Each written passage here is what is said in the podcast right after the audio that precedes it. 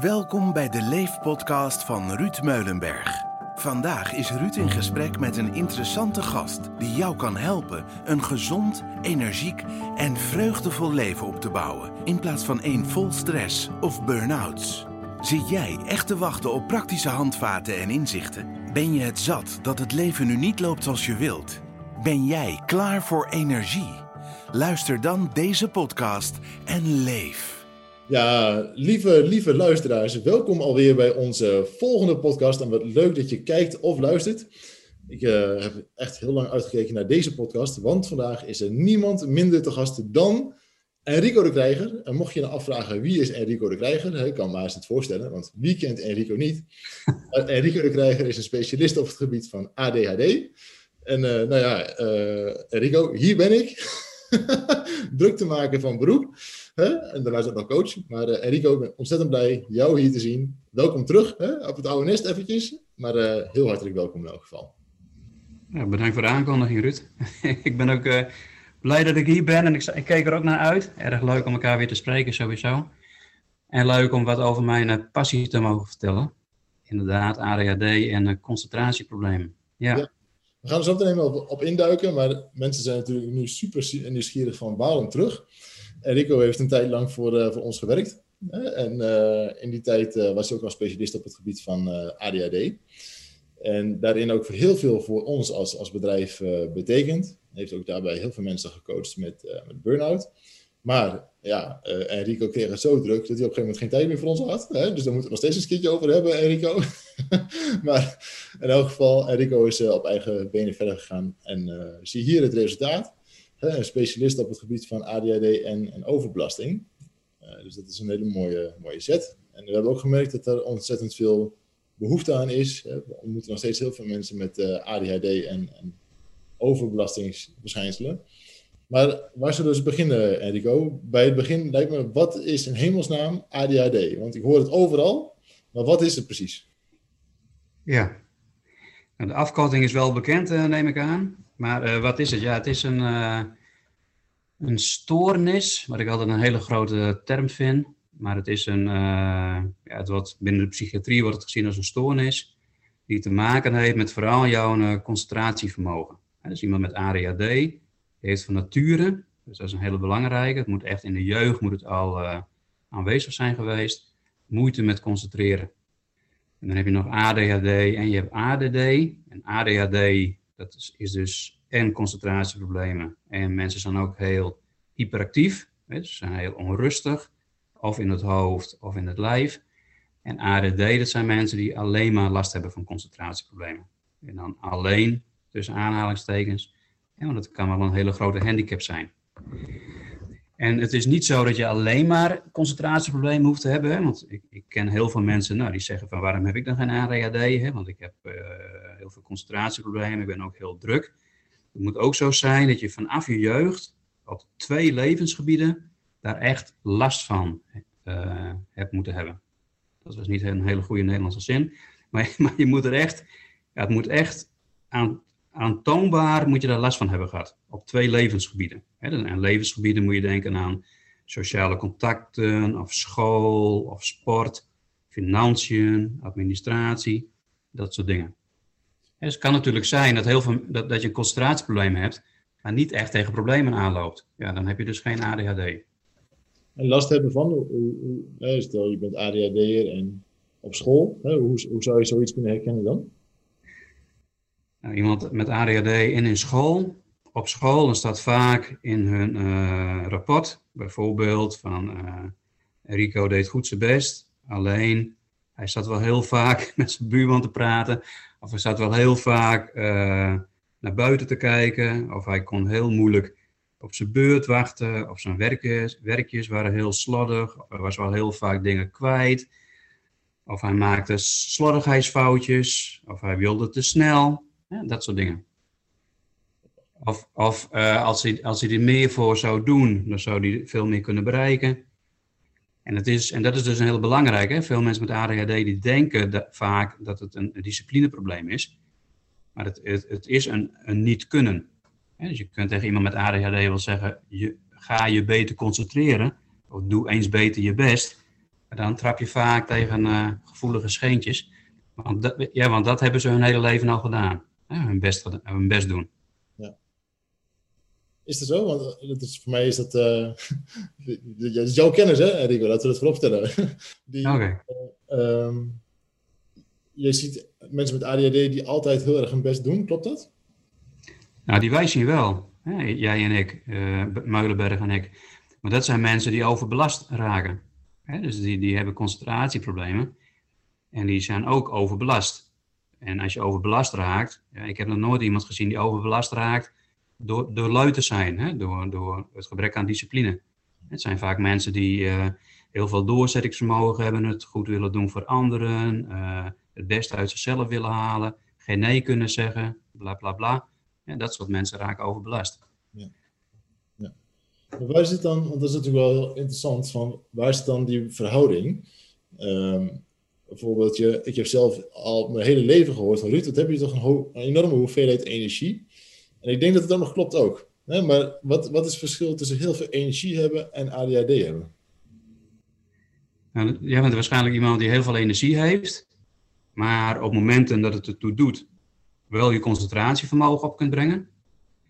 Waardoor jij niet op die twee levensgebieden uh, problemen hebt ondervonden. Nee. En dus wij zijn nou iemand geweest die heel veel energie uh, heeft, had gehad, heeft. Daarnaast niet zijn concentratie op kon brengen voor, uh, voor zijn schoolwerk. Dan had je dus in ieder geval op één levensgebied al een, een probleem gehad, dat was op school.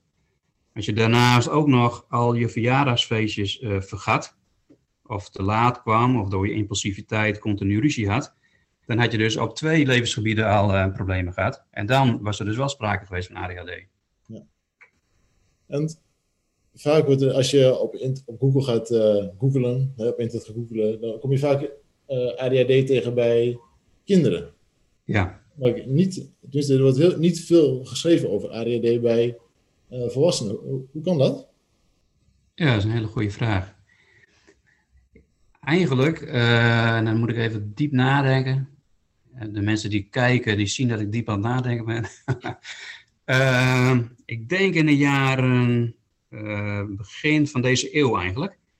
Toen pas kwamen de echte psychiaters, die zichzelf specialist noemden op het gebied van ADHD bij volwassenen. Hmm. Daarvoor waren het eigenlijk alleen maar uh, psychiaters die zich specialist noemden op het gebied van, van, van kinderen. Hè? Want kijk, vaak begint de diagnostiek bij kinderen. Hè? En later bleek dat er heel veel volwassenen ja, ook stuk liepen, vastliepen. Waarbij bleek van, hé, hey, eigenlijk is het wel iemand met ADHD, alleen die ondervond vroeger nog geen last van zijn ADHD. Vaak zien wij dus op latere leeftijd als iemand ADHD gediagnosticeerd krijgt. Dat zijn vaak mensen met een bepaald intelligentieniveau, die door het intelligentieniveau heel veel beperkingen door hun concentratievermogen konden compenseren. En pas op latere leeftijd, dus na een hele zware studie of nadat er eh, kinderen in het, uh, in het spel kwamen, pas op dat moment lopen die mensen tegen hun beperkingen aan. En komen ze dus bij een psychiater terecht. dus dat is die ontwikkeling is uh, nou, zeg maar zo'n 30, 40 jaar na de kinderpsychiatrie is dat ontstaan. Oké. Want in hoeverre, stel er luistert nu iemand die is uh, volwassen, hè, die heeft een, uh, een adolescente leeftijd, hè, om, het, om, zo eens te noemen.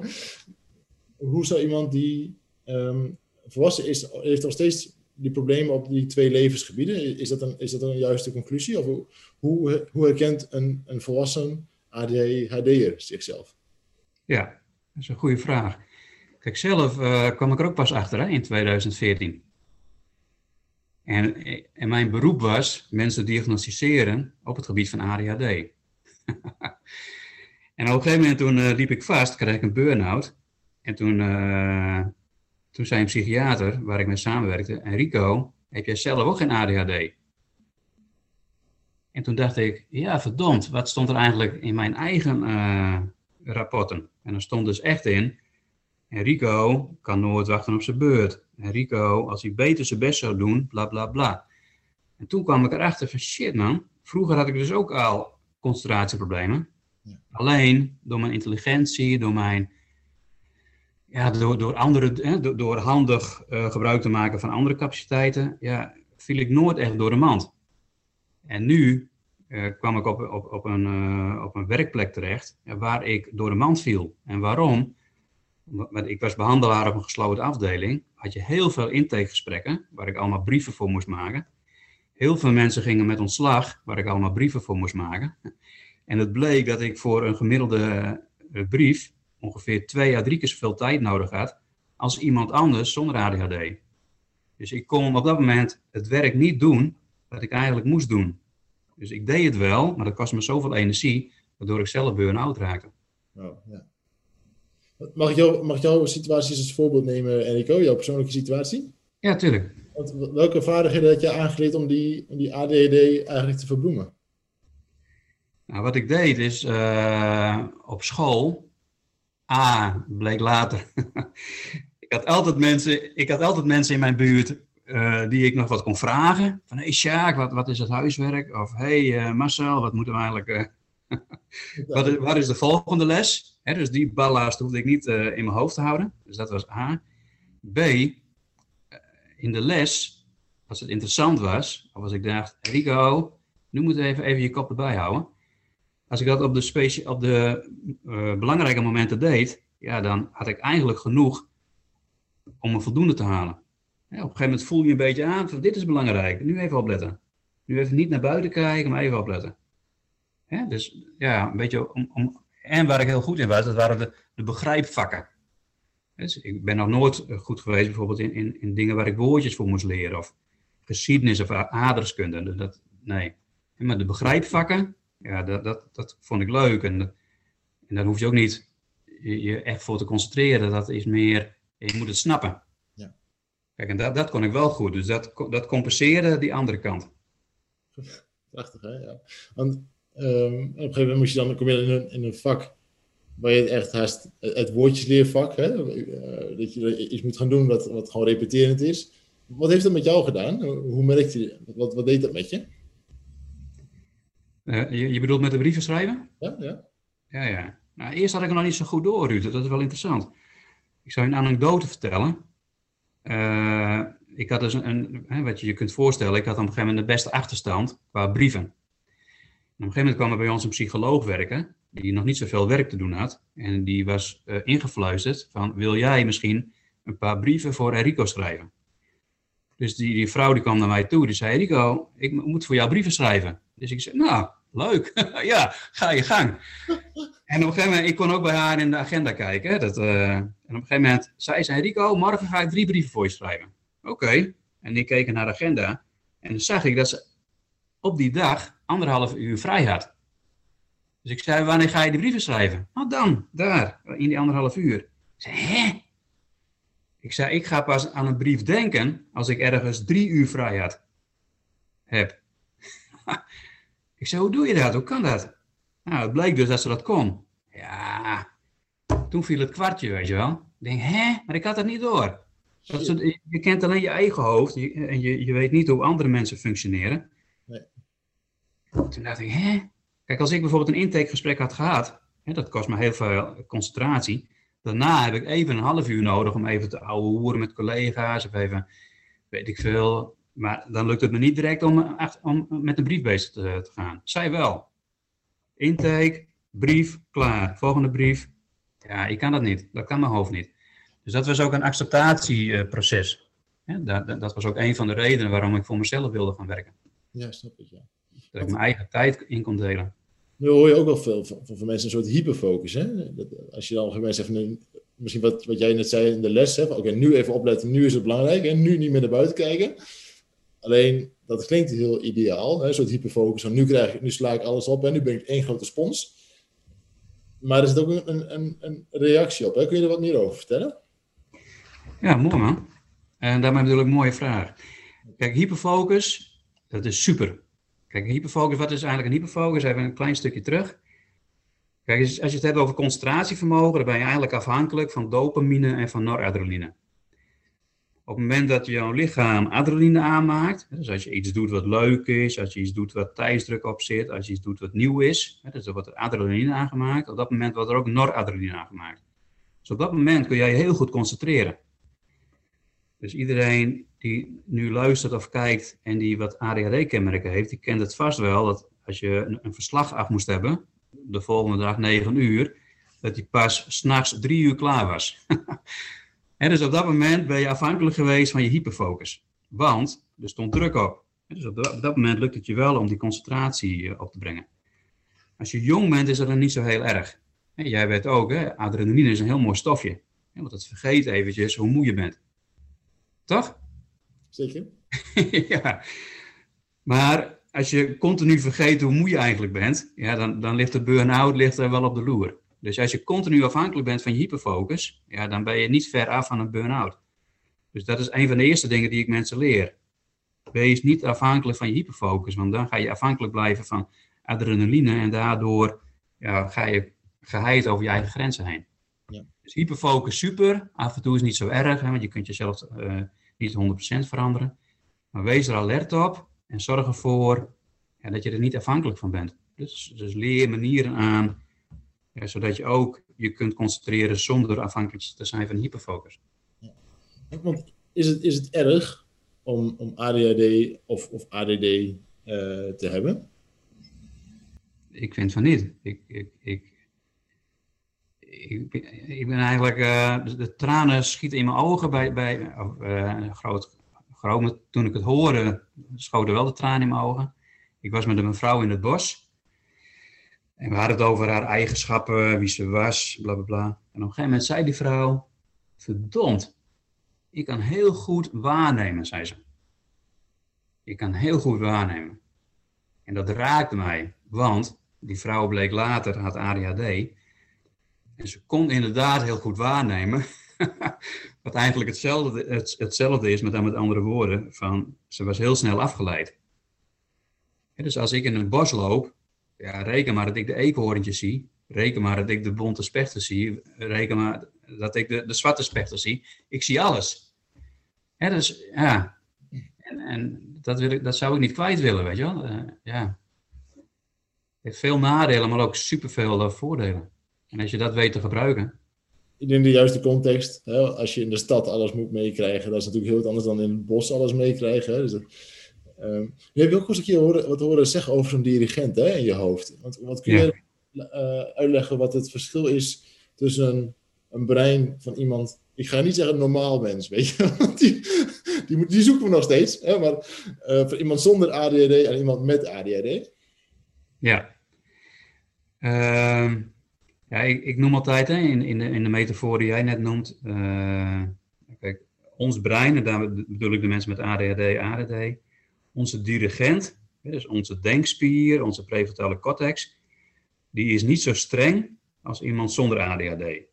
Dus onze dirigent, die laat meer prikkels binnen dan iemand zonder ADHD. Eh, en dat heeft nogal wat uh, consequenties. Dus uh, als ik bijvoorbeeld, jij zegt dat in de stad loop. Ik ben bijvoorbeeld met, met een keer met een, een, schoolklas, mocht ik een week naar New York. En ik sliep die hele nacht niet. Of excuses, de hele week niet. Alle nachten niet. Waarom niet? ik kreeg alles binnen. En omdat ik een open blik had, werd ik ook door iedereen aangesproken. Is mijn dirigent, die zei niet, Enrico, het is nou niet slim om iedereen aan te kijken. Dus mijn dirigent zei, jongen, ik ben even op vakantie, laat al die prikkels naar binnen komen. Weet je wel? Dus, dus omdat onze prefrontale cortex anders werkt, ja, zou je hem ook kunnen vergelijken met een filter. Dus ons filter is gewoon wat, wat grofmaziger dan iemand zonder ADHD. En nu ik me dit zo hoor zeggen, mezelf hoor zeggen van met ADHD, zonder ADHD, is het ook nog wel even goed om te noemen. Dat het eigenlijk, hè, concentratievermogen is eigenlijk een spectrum. Hè, of je kunt, je totaal niet concentreren, of je kunt je super goed concentreren. En iedereen die zit ergens op dat spectrum. Kijk, en de diagnose ADHD, dat is eigenlijk vrij subjectieve uh, diagnose. Je zou voor hetzelfde geval zou één psychiater zeggen, ja meneer, u heeft ADHD. Die, die zou hem iets linkser van het spectrum inschatten. En een andere psychiater zou zeggen, jongen, jij hebt net geen ADHD. Ook nog even een antwoord op jouw vraag eerder. Er is wel ADHD, niet ADHD. Ja, het is eigenlijk, ik praat altijd meer over een spectrum. En dan zeg ik altijd, jij zit vooral aan die kant van het spectrum en andere mensen zitten aan die kant van het spectrum. Ja, ja. voor de luisteraars, links of rechts. ja, ja.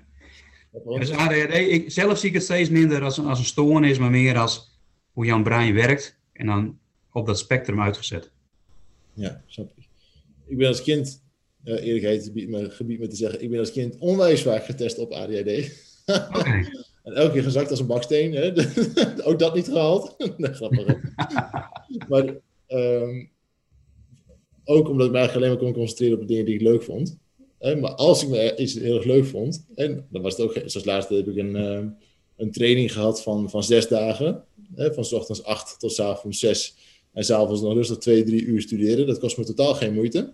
En uh, dat, dat hoort niet helemaal in het ADHD-rijtje. Dus als, het gaat bij mij iets meer om andere, om andere dingen.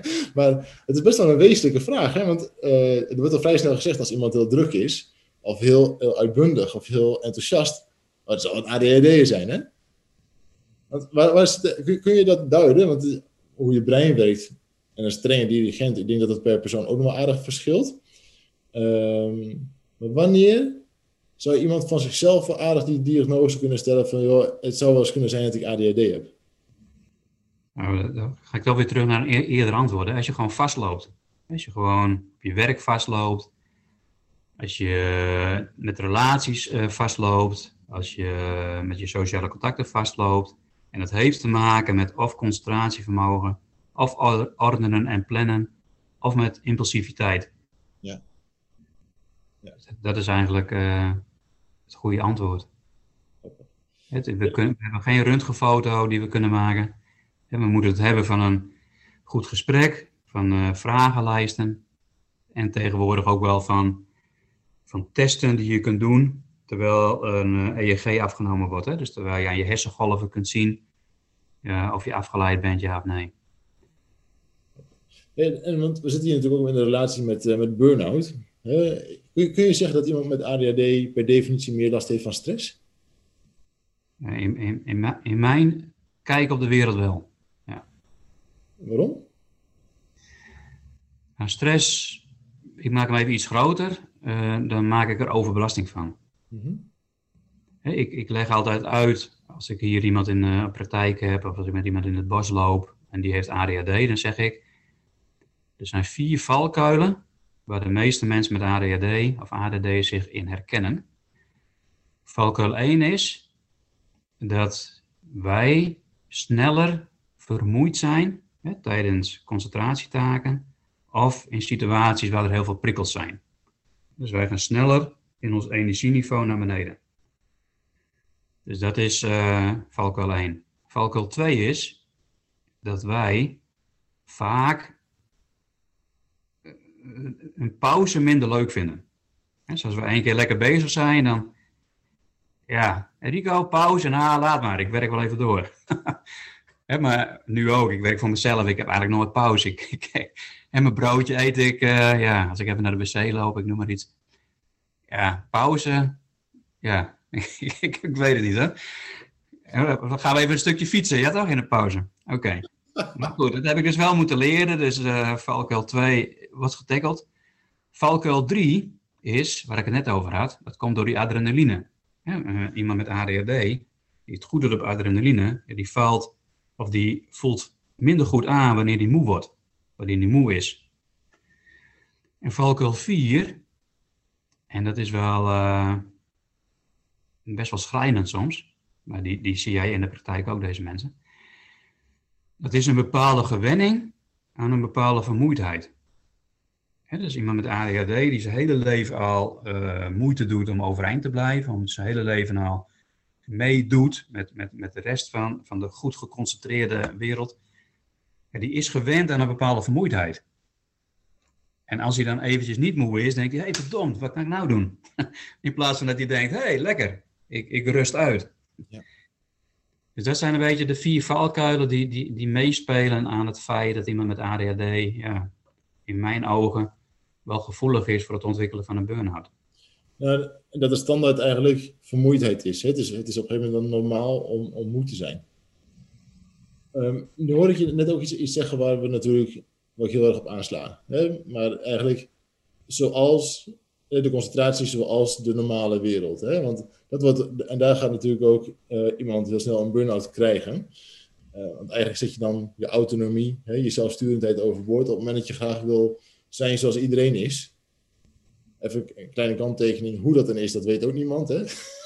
wat, wat, is een gemiddelde? Wat is normaal? Daar kunnen we uren over praten natuurlijk. Maar het zijn zoals iedereen het is, of, of zoals het plaatje is dat in je hoofd zit zoals iedereen is.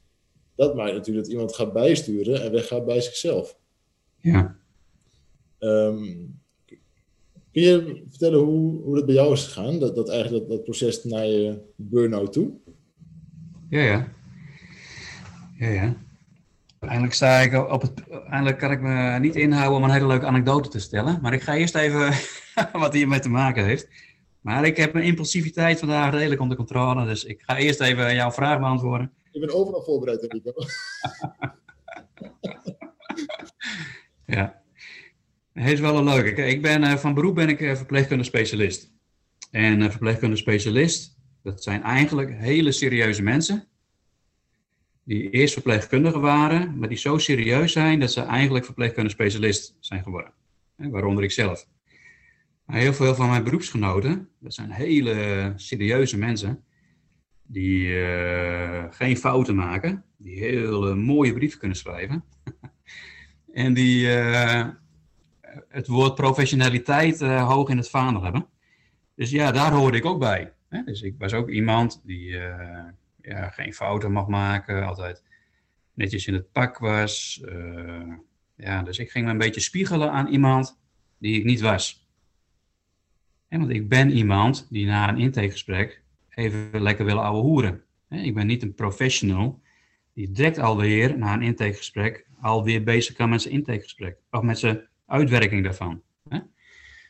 Dus ik ging me spiegelen aan die mensen, ja, waar ik, wat eigenlijk niet eerlijk was, is, ik ben niet zo. Hè? Ik ben, ik heb iets meer oude hoertijd nodig op een dag dan uh, de gemiddelde verpleegkundige specialist. Dus dat is een beetje uh, antwoord op jouw vraag. Toen merkte op een gegeven moment dat je achter begon te lopen met, uh, met energie. Ja. Werden toen je ADHD-klachten ook groter of niet? Ja, ja, ja, ja. ja. Ik, ik, ik, ik, ik was wel iemand die af en toe eens een foutje maakte, maar dan wist ik wel, oh ja, dat komt daardoor. Maar nu maakte ik foutjes en ik wist bij God niet hoe dat kwam. Wat? Ik wist niet eens dat ik een foutje gemaakt had. Ik moest erop aangesproken worden van Rico, ik ben dat vergeten. En dacht ik, hè? Heb ik dat met jou afgesproken? Weet je wel? Ik vertrouwde mijn eigen hoofd niet meer. Hmm. En dus daarvoor ja, vertrouwde ik mijn hoofd nog wel, maar op een gegeven moment vertrouwde ik mijn eigen hoofd niet meer. En dat was echt een rotgevoel. Dus dat ik uh, continu het gevoel had dat ik achter de werkelijkheid aanliep of zo, ja? Dat ik, hè? Ja. Dus dat was eigenlijk, uh, en op een gegeven moment lukte het me gewoon echt niet meer om te concentreren. Al, al het concentratiewerk, dat stelde ik uit. Dus ik, ik, ik deed alleen maar de dingen, uh, ik werd geleefd. Dus je moest je zo voorstellen, ik kwam op mijn werkplek uh, zuchten wat er nu op mijn to-do-list stond. Nou, oké, op een gegeven moment had ik een vergadering, nou, dat ging dan nog. Op een gegeven moment Rico een intakegesprek, dat ging ook nog. Hè, want dan, dan word je geleefd. Dus de dingen die, waarvan ik zelf de structuur niet weg hoefde te zetten, die deed ik. Maar die, die ik zelf moest organiseren, waar ik zelf concentratie van op moest brengen, ja, dat lukte gewoon niet meer. Dat moest op uit mijn tenen komen, dat, dat lukte echt niet meer.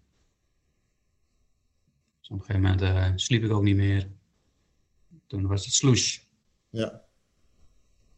Het blijft bijzonder dat iedereen die een stevige burn-out heeft gehad, mijzelf inclusief, dat een burn-out toch altijd nog wel met de mens doet. Hè? Tot op de dag van vandaag. Ja. En dan ben je op een gegeven moment uh, burn-out. Dan zit je thuis, ziek. Uh, hoe, hoe, is dat herstelproces voor jou gegaan? Hè? Is, is, was toen dat moment ook dat je al wist dat je ADHD had, of, was, dat, was dat daarvoor al? Nee, was daarna even eh, Kijk, op een gegeven moment, eerst, eerst kon ik zeg maar niks, totaal geen prikkels in mijn hoofd hebben. Op een gegeven moment ben ik veel gaan sporten. Op een gegeven moment wist ik zeker dat ik geen verpleegkundige specialist meer wilde zijn. Dus werd ik verpleegkundige.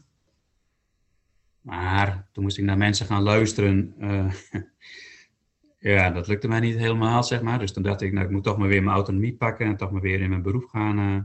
En toen kwam ik op mijn werkplek, mijn oude werkplek weer, dat ik mensen moest gaan diagnosticeren met ADHD.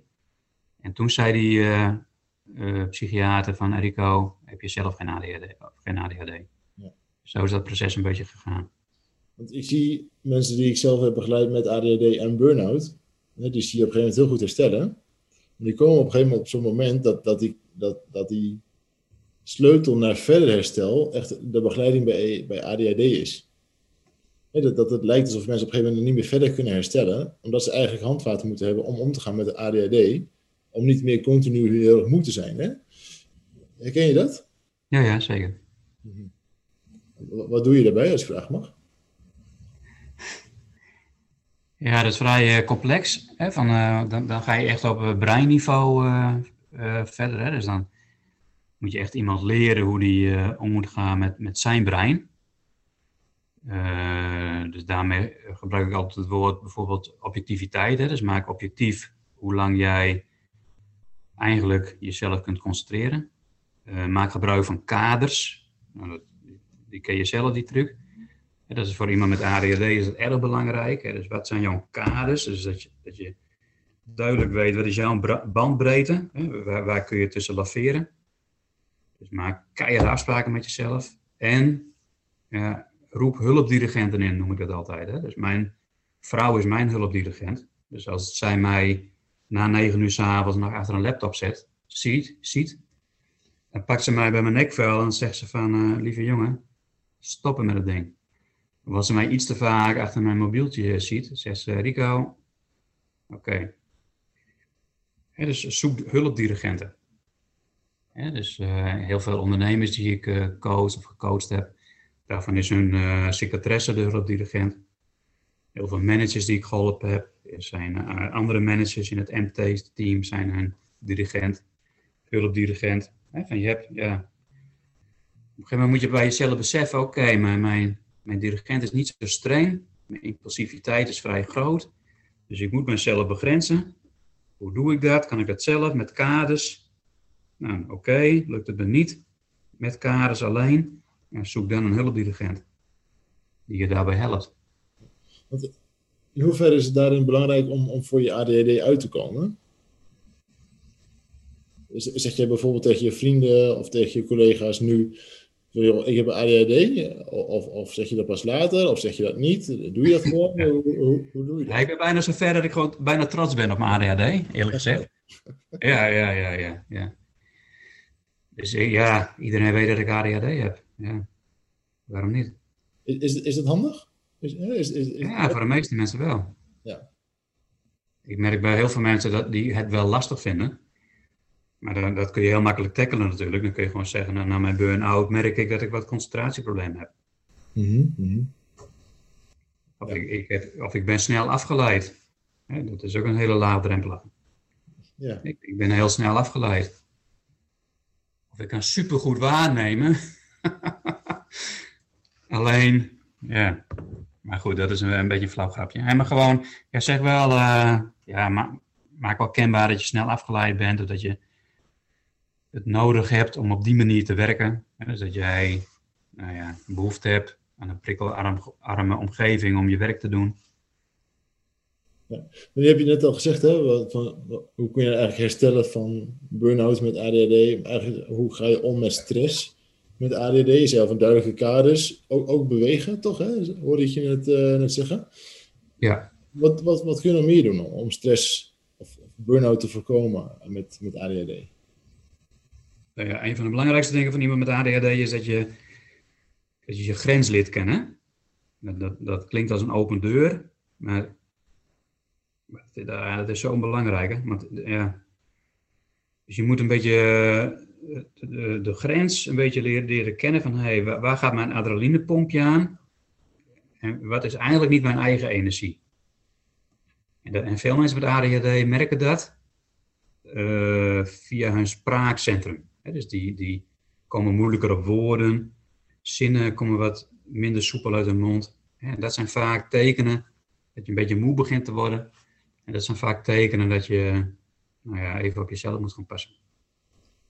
Ik, ik heb dat vaak zelf het idee, maar correct me if I'm wrong, hè, dat, dat is eigenlijk te laat beginnen te remmen, hè, mensen met ADHD. Ja, ja. Dan vliegen ze al die grens voorbij en dan moeten ze weer omkijken. Ah, dan ben ik weer overheen. Hè. En zo word je een beetje zo'n zo'n stuiterbal van links naar rechts en dat is op een balans verder zoeken.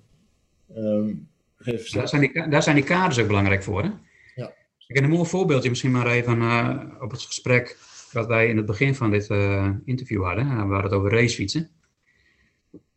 Kijk, even mezelf als voorbeeld nemen. Een van mijn nieuwste hobby's is nu racefietsen. Of eigenlijk een nieuwe oude hobby. En waarom? Eigenlijk geeft dat ook een beetje tegenwicht aan mijn werk. Dus veel mensen met ADHD hebben ook zoiets nodig. Een soort tegenwicht. Hè, want zeg tegen een ADHD'er, ja, je moet rust nemen en eh, lekker op de bank liggen en, eh, en, eh, af en toe een boekje lezen. Ja, dat gaat echt de ADHD gaat het niet doen. Die denkt, hallo, ik moet nog 60 jaar leven. Dat wil ik wel op een leuke manier doen. Weet je wel? Dus als je een beetje tegenwicht geeft, wat, wat zorgt voor, voor balans in je draagkracht en draaglast, ja, dat is natuurlijk super. Want hoe ga ik met racefietsen om? Als een echte ADHD'er. Ik weet inmiddels alles over hartslagzones. Ik weet inmiddels alles over de verschillende soorten fietsen. Ik weet inmiddels alles van Strava. Ik, ja, dus dat is mijn ADHD-manier om met racefietsen om te gaan. Maar dat zorgt er wel voor dat ik minder met mijn werk bezig ben. Ja. Dus dat is vaak ook een hele goede die in de praktijk werkt bij mensen met ADHD. Om daar iets tegenover te zetten, zodat die balans Ja, is. eh, ja. En wat gezond is. Kun je, kun je nou niet zonder meters gewoon lekker op de fiets stappen en zeggen, ik ga gewoon eens even lekker een eindje fietsen? Tuurlijk, zeg ik tegen jou. Ik kan het wel. Als ik, als ik eerlijk ben, Ruud, als ik eerlijk ben. Als ik zonder hartslagmeter op een fiets ga zitten, dan belast ik mezelf eh, te veel. Ja? Ja. Dus ik moet een hartslagmetertje voor me hebben. En als ik heel rustig wil fietsen, moet die hartslag niet boven de 117 komen. Nou ja. Ja, dat is mijn grens. En mijn cadans, eerlijk gezegd, heb ik nu mijn Polar heb ik zo ingesteld. Sorry voor de sleupreclame. Hè, Garmin heeft ook hele mooie eh, computertjes. Dat heb ik zo ingesteld dat op mijn eh, eerste menu staat alleen maar mijn cadans en mijn eh, hartslag. Mijn snelheid staat er niet meer op. Oh. Die staat, die staat op het tweede menu. Dus ik kijk alleen naar mijn cadans en naar mijn hartslag. Ja, dan hou ik mezelf in bedwang. Dat is op dat moment mijn hulpdirigent. Ja. Oh, grappig. Je hebt toen echt net na mijn burn-out, ben ik op mijn fiets gestapt. Echt, en dan heb ik echt de eerste tijd echt zonder alle meters moeten fietsen. Anders dan fietste ik alleen maar op meters en, en, en zones. En eh, op een ik, ja hallo, fietsen. Het sporten op het niveau wat, wat ik doe, hè, als, als not, niet prof. Hè, Ehm, dat gaat eigenlijk om, puur alleen om mijn eigen gezondheid en niet om, wat ik op Strava kan zetten. Of op, wat dan ook. Hè. Maar uh, het gaat alleen om mijn gezondheid. Dus ik heb op een gegeven moment alles, alle meters thuis gelaten en gewoon gezegd van, oh, gewoon, gewoon fietsen. En uh, het maakt niet uit of dat nou met uh, 20 of 30 of 40 km per uur is, of 10. Uh, ga er gewoon lekker op uit, man. En ga gewoon lekker, lekker eentje trappen. Grappig, hè? Ja. dat, heb ik wel eens gedaan. En dan zeg ik tegen mezelf, ik moet blijven praten, Rico. Ik moet blijven, kunnen blijven praten. Want dit is dan in die du duurzone. Ik moet kunnen blijven praten. Maar op een gegeven moment praat ik nog wel, maar dan heb ik zo'n kort zinnetje dat dat nog wel lukt. Maar ondertussen ben ik gewoon dik in de verzuring. Een kleine sidestep voor de, voor de luisteraar. Want als, als je kan praten, zit je in je aerobe zone. En in je aerobe zone maak je maximale endorfine aan. En endorfine zorgt ervoor, ervoor dat je je bijnieren tot rust komen. Dat het aanmaak van cortisol uh, verminderd wordt, of dat zelfs gestopt wordt.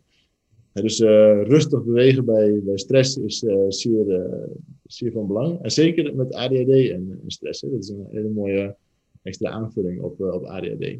Maar wel rustig. Rustig. ja, geweldig. Ja. tip. Om daar iets, iets tegenover te zetten. Of het nou fietsen is, of ik vind dat het fietsen dat defragmenteert mijn geest helemaal, maar dat is in mijn geval. Ja. Um, dus alles op een rijtje. Um, we hebben extra dirigent uh, inzetten. Hè? We hebben dus bewegen, we hebben kaders uh, erbij. Hebben, hebben, we nog iets wat we kunnen inzetten om, om stress te verminderen bij uh, mensen met ADHD? Ja, hoofdleeg schrijven. Oké. Okay. En dan moet ik het even hebben over werkgeheugen. Kijk, werkgeheugen, dat is een beetje te vergelijken. Dat zit in ons hoofd, dat zit in die denkspier. En dat is te vergelijken met, een, met het werkgeheugen in een laptop. Dus als ik een taak doe, dus als ik in de supermarkt kom, ik noem maar iets, dan wordt mijn werkgeheugen op dat moment gevuld met wat moet ik halen. Kom ik een bekende tegen waar ik aarde tegen moet doen. Waar staat dat ook alweer? Uh, waar is ook alweer de, uitgang? Bla bla bla. En in het werkgeheugen kan gemiddeld, kunnen daar zeven eenheden informatie. Als je ADHD hebt, gaat er gemiddeld één puntje af. Dus er zijn ook wel mensen die zeggen, juist door dat kleine werkgeheugen kun jij je minder goed concentreren. Dat gaat mij iets te ver. Maar het is wel een feit dat mensen met ADHD, of links van het spectrum, een kleinere werkgeheugen hebben. Ben je nou ook nog overbelast, dus heb je een flinke burn-out meegemaakt, of ben je burn uh, overbelast, dan trek er nog maar twee puntjes vanaf. Iedereen die net burn-out is geweest, en die stuur een, uh, een supermarkt in, nou die weet wel, dat, dat is niet fijn. En veel heeft te maken met dat kleinere werkgeheugen. Ik had er vanmorgen ook nog een mevrouw hier op de praktijk, die zei, dan ben ik in de supermarkt en dan sta ik achter de kassa en dan heb ik het zweet op de rug. Dus dan hebben we even uitgelegd in, vanuit het werkgeheugen wat er allemaal op dat moment van je verwacht wordt. Dus, en het werkgeheugen is bedacht, vroeger, ja, dat is eigenlijk een heel oud systeem, om tijdelijk eventjes informatie vast te houden. Dus wij gingen op jacht, moesten we onthouden van, ja, daar is een mammoet, daar is de vijandelijke stam, daar hangen leuke besjes. En dan kwamen we terug bij de stam en dan gingen we alles wat in ons werkgeheugen zat, gingen we overbrengen. Maar tegenwoordig is het niet meer te doen om alles wat tot ons komt, om dat te willen onthouden. Forget it. En als je dat wel van jezelf vraagt, dan ben je jezelf op dat moment al aan het overbelasten. Schrijf het op. Zoals mensen dat op een gegeven moment van mij niet aannemen, dan stop ik heel vaak de coaching. Oh, echt? Ja? Ja. Maar dat is jezelf pijn willen doen. Dat is zeggen, je stopt met roken, maar je mag af en toe wel een checkje draaien. Uh, een stom voorbeeld dat nu even te binnen schiet, maar ja, als je wil herstellen van een burn-out en je hebt ADHD en je bent niet bereid om dingen op te schrijven, ja, dan forget it. En in het begin is dat echt moeilijk, want het, het, moet echt een tweede natuur worden. Oh ja, niet vergeten, schrijf het even op. Oh ja, niet vergeten, schrijf het even op. op een gegeven moment kun je niet meer, kun je niet meer zonder. Nee. En het gebruik van mobiele telefoons, want ik kan me ook zo voorstellen dat uh, mobiele telefoons ook een enorme bom aan, aan informatie en, en prikkels voor ieder mens al. Hè? Hoe, hoe, gaat het met iemand met, met ADHD? Ja, ik had laatst op mijn Instagram had ik een post uh, gezet van wat is, wat is jouw grootste afleidende prikkel? En iedereen zei telefoon. Echt? Ja? Ik heb het niet gezien, dat is, dat is niet uh, voorbereid. Dit. Nee, nee, nee, nee, iedereen zei telefoon. Oh. Dus ja, ik ken het zelf ook. Daarom heb ik uh, dat aan mijn vrouw gevraagd, aan uh, Rolina. Als je dat bij mezelf ziet, bij mij ziet, hè, trek mezelf eraf. Ja. Want ja, iedereen kent het, hè? dat is zo gefabriceerd dat het dopamine aanmaakt. Dat is ja, vooral voor iemand met ADHD erg lekker. Ja. niet doen. Dus ik heb bijvoorbeeld een app die heet Freedom. Ken je die? Nee. Freedom. Uh, ik leg af en toe mijn telefoon aan de kant. Wat zeg je? Ik leg af en toe gewoon mijn telefoon aan de kant. ja, precies. Dat is een hele goeie, maar voor mij is dat soms net niet goed genoeg. Dus ik heb Freedom en die kan ik alle blogs, of excuses, alle apps kan ik blokken. En dan kan ik zeggen, de komende drie uur wil ik niks van die app horen. Of mag ik er niet eens op? Dus als ik dan bijvoorbeeld op Facebook wil, wil niet. Oh. Ik kan alleen gebeld worden of ik kan op WhatsApp kijken, omdat ik dat ook voor zakelijke doeleinden gebruik. Ja, ja. ja. Dat is weer zo'n hulpdirigent. Ja. Helemaal telefoonloos. Eentje eh, met, waarmee je alleen bellen en sms'en kan, dat is nog een stap te ver misschien. Maar uh, het is ook haast verslavend. Hè? Aanmaak van dopamine is natuurlijk verslavend. Um, dus in die zin kan een telefoonverslaving natuurlijk echt wel leiden tot uh, extra stress uh, en zelfs burn-out klachten. Ja. En nu gaat deze, deze podcast gaat over leef. dit is de, de leef-podcast. En wat we eigenlijk altijd dan zeggen van, joh, we zoeken niet naar een oplossing voor een probleem, maar we zoeken eigenlijk een mogelijkheid tot, tot leven. Tot naar je zin hebben, tot, tot het te doen, om trots te zijn op je, op je, AD, op je ADHD. Ehm, wat, kan iemand nou doen met ADHD om, om, om te leven, om ook gewoon te genieten van die ADHD? ja. Wat doe ik waardoor ik geniet door ADHD, van mijn ADHD? Ja. gewoon kijk naar de pluspunten. Hè? Dus dat is A. Dus, uh, wat is het leuke aan ADHD? Het leuke van ADHD is A. Je hebt hele leuke ideeën. B. Je zit uh, van nature zit je vol energie. Uh, je komt vaak je hebt een open manier vaak om met mensen om te gaan.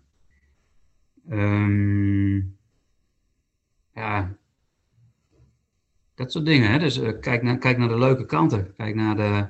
Hey, je, maar je, uh, dat, dat zag ik nog even. Je, je, je neemt veel waar. Hè? Je krijgt veel mee. Uh, je voelt sferen van andere mensen voel je vaak goed aan. Hè? Juist wat er ook zoveel binnenkomt. Ja, zie dat te kunnen gebruiken in je leven. En dan heb je een super leven natuurlijk. En realiseer je dat ja, concentratievermogen is bij jou niet jouw sterkste punt. Je kunt er wel een beetje aan werken. Maar ja, zorg, wel, zorg dan dat je een baan hebt waar je dat niet acht uur lang hoeft te gebruiken. Een hersenchirurg als ADHD, waarbij je een hele lange operatie moet uitvoeren, misschien niet helemaal geschikt.